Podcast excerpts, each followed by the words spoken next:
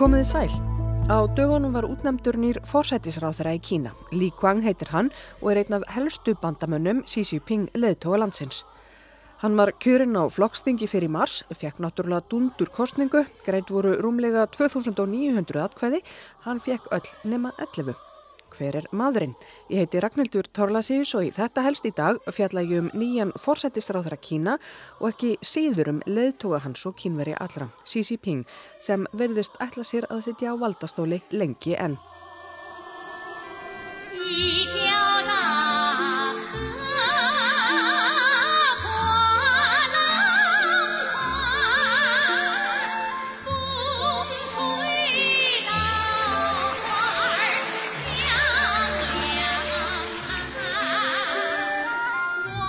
Hér líðum við á söng Penli Wang, fórsetafrúar Kína. Hún er stjarnar í heimalandinu, ekki bara því hún er fórsetafrú.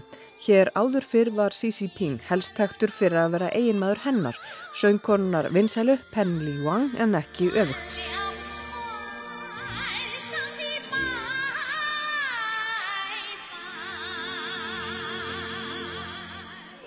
En þarna syngur hún samsagt lag sem að YouTube segir mér að heiti Móðurlandi mitt og Wikipedia segir mér að fjallum söknuð þess sem er að heiman, söknuð eftir fólkinu sínu og heimaslóðum. Hún er greinilega frábær söngkona og hefur þetta óræða stjörnu element sem er svo erfitt að festa fingur á. Hún er fögur, hún er glæsileg og svo er bara eitthvað við hana. Peng Liwang er önnur eiginkona Xi Jinping og það var sammeðilegur vinur sem kynnti þau. Þau gengu í hjónaband árið 1987 og eiga eina dóttur. Það líka ekki miklar upplýsingar á lausu um dótturhjónana ofinberlega en hún mun hafa útskrifast úr Harvard og er jafnvel talið að hún haldi til í bandaríkjónum undir öðru nafni.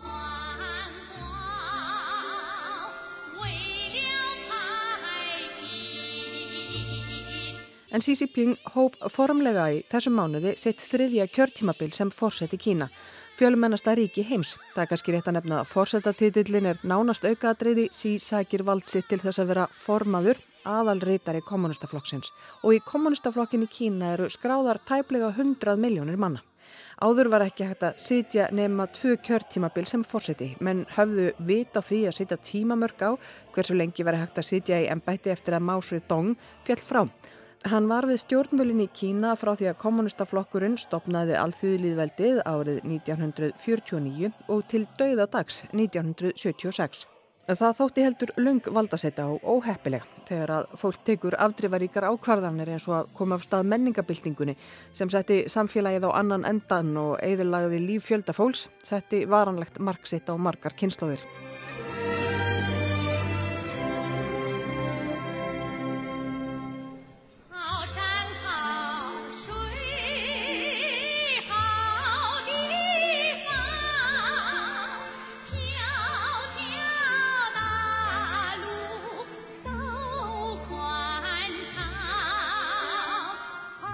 En þessu með takmörkin á valdatímanum var kift í liðin árið 2018 því að þá voru gerðar stjórnarskrárbreytingar sem lefðu lengri valdasettu en áður.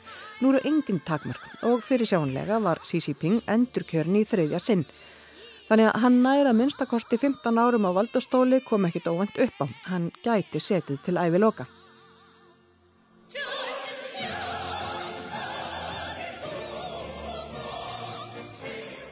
Það var í oktober í fyrra sem sí var endur kjörinn formaður eða aðalrítari kommunistaflokksins.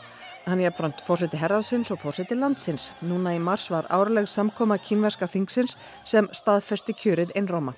Sí er þar með orðin lang valdamesti maður Kína frá tímum Máus formans. Aðtegli vakti í haust að engin kona situr lengur í 24 manna pólitbúróinu. Það er fórsetisnemt landsins. Það verður ekki gerst í um aldar fjórung. Og það var á sama þingi í haust sem að fyrverandi fósiti landsins, Hui Jintao, var leittur út, skomu áður en sí flutti sitt loka ávarp. Af myndskeiðum að dæma virtist Hu, sem er riflega áttræður og var fórseti á árunum 2003 til 2013, sækjast eftir því að glukka í möppu sem lág á borðinu fyrir framannan.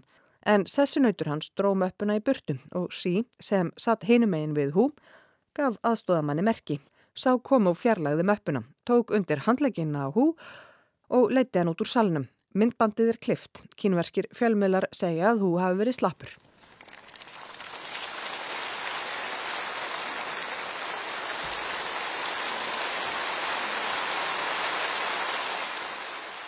Það var líka á þessum fundi í haust sem að Lý Kvang nokkur var tekin inn í politbúróið í fyrsta sinn og strax gerður að næstraðanda. Lý Kvang er fættur 1959 og er því 64 ára. Hann hefur ekki starfað fyrir ríkið áður, hefur alla tíð unnið á sveitarstjórnastíðinu.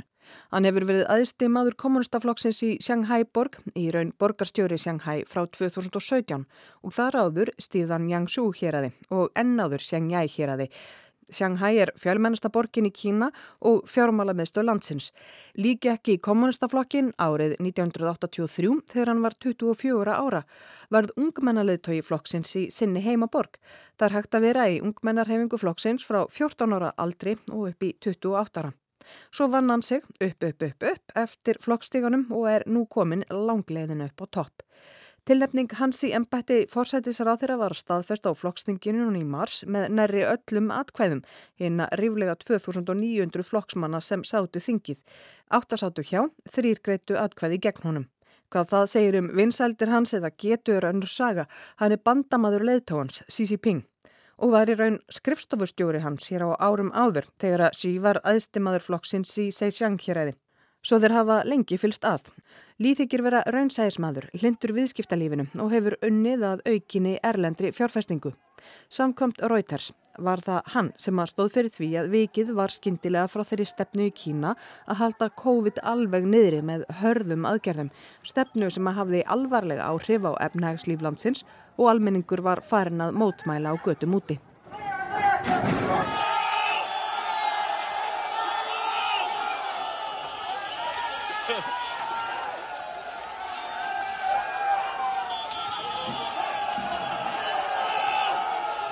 Ekki hafði verið mótmælt í Kína af svona krafti frá árunnu 1989 þegar að mótmælin á torgi hins heimnæska friðar voru kveði niður af skjálfilegri hörku þegar að alþýðuherin var sendur á borgarana og mörg hundruð, jafnvel mörg þúsund fjallu. Það að fólk skildi fara út á götur að mótmæla í vetur, segir sína sögu um ástandið. Áður hafði Lý sætt gaggrinni fyrir harðar aðgerðir í Shanghai vegna COVID-19. Í fyrra var borginni svo að segja lokað um mánaðaskeið vegna smits. Það skorti mat og lif, ef að barn var smitað en fóreldrarnir ekki, voru þau aðskilinn. Economist fjallaði í oktoberum Lý Kwang þegar hann var nýkomin inn í pólitbúróið og stemdi allt í að hann er þau fórsættisráþara. Blaðið segir að mikilvægast í einleiki þeirra sem ná árangri nú um stundir innan kommunistaflokksins sé fylgispekt við Xi Jinping. Lý Kwang hafi sínt sí trúmennsku en íbúum væðarleysi þegar hann hafi framfyllt stefnu sí, núlstefninu gegn COVID. Og hér er rétt að nefna efnismikla hlaðvarpserju í Economist um Xi Jinping og það hvernig hann komst til valda. Þættirnir heitaði Prins, Prinsinn og eru unnir af mikill í þekkingu. Það er til að mynda fjallaðum æsku ár sí, en það hefur líka vera illuðadóttir gert í þáttunum sínum í ljósi sjögunar. Grípum niður í þátt veru þar sem hún segir frá því þegar að Xi Jinping var sendur í sveit til Sanxi hér aðs. Hefði ég verið um kyrt, veit ég ekki hvort ég hefði komist af. Það var gott að ég fór.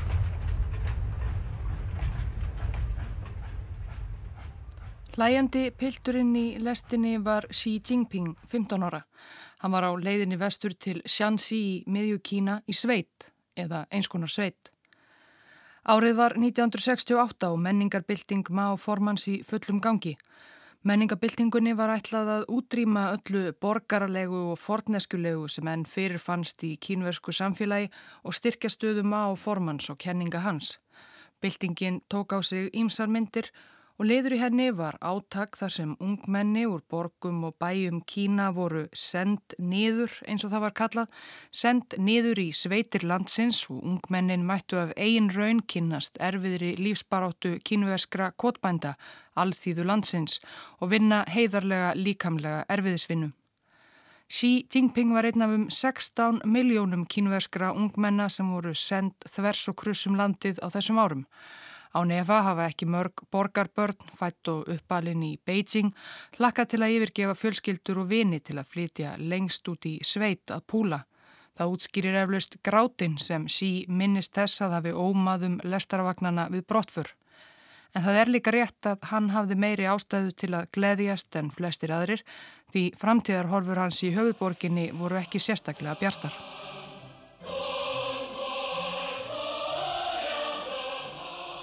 就是为中国人民谋幸福，为中华民族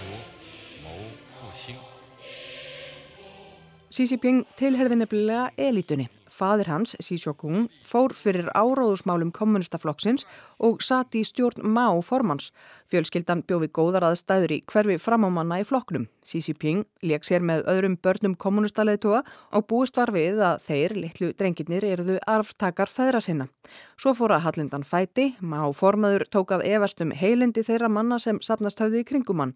Gamlir félagur úr flokknum og samverkamenn voru settir út í kuldan, vikið úr flokknum stungið í fangilsi eða demtir í þrælkunavinnu og fadur hins núverandi leðtúa var settur út af sakramentinu fyrir að mæla með bók þar sem fjalla var lítilega um mann sem þegar hafði verið settur út af sakramentinu. Í menningabildingunni var hann dæmtur í þrælkunarvinnu fyrir þessa yfirsjón. Sónur hans var því kannski heppin að komast út úr borginni, hann hafði orðið fyrir ofsóknum vegna faðerni síns, rauðir varðliðar hafðu margóft tekið hann afsýðis og þvingað hann til að fordæma föður sín. Gefum veru aftur orðið. Á síðari árum hefur Xi Jinping orðið tíðrætt um táningsár sín í sveitinni og eru þau orðin að óaðskiljanlegum hluta ímyndar hann sem leðtoga. Í þorpinu þar sem hann dvaldi er í dag starrætt sapn til engað Xi og árum hans þar og þanga leggur leið sína fjöldi stuðningsmanna Xis að skoða húsakinni hans, rúmið þar sem hann svaf og svo framvegis. Allt er þetta þó nokkuð daburleg sjón. Markmiðið var að kynna ungmennum úr borginni erfiða lífsbaróttu alþýðurnar í sveitunum og hana fenguðu sannarlega að reyna. Xi Jinping varð að láta sér næja að flytja úr fínu hverfi í Beijing í helli. Það er kannski ekki alveg eins slæmt og það kann að hljóma á þessum slóðum í Kína nýttu sér margir hella sem grafnir voru í fjálslýðir og hæðar til búsettu svo þetta var ekki það ofennjulegt.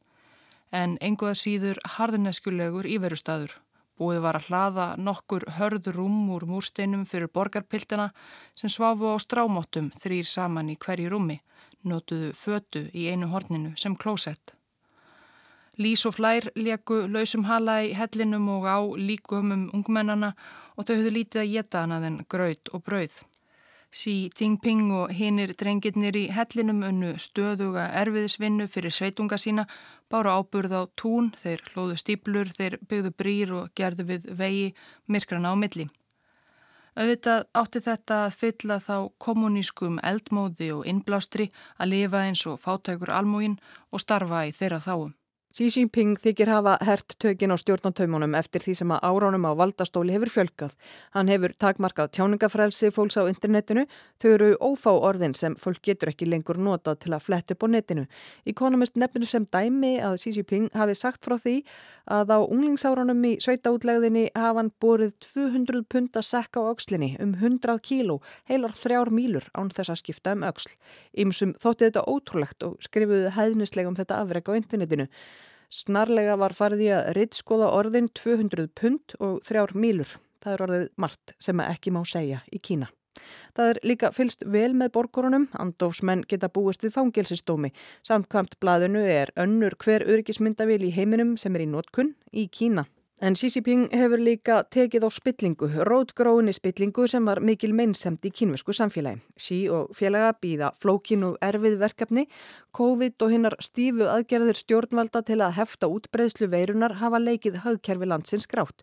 Landsframlegsla hefur dreist saman og atvinnuleysi ungsfólks er mikið. Það hefur dreið úr barstfæðingum og fjöldi fólks getur ekki borgað af fastegnum sínum.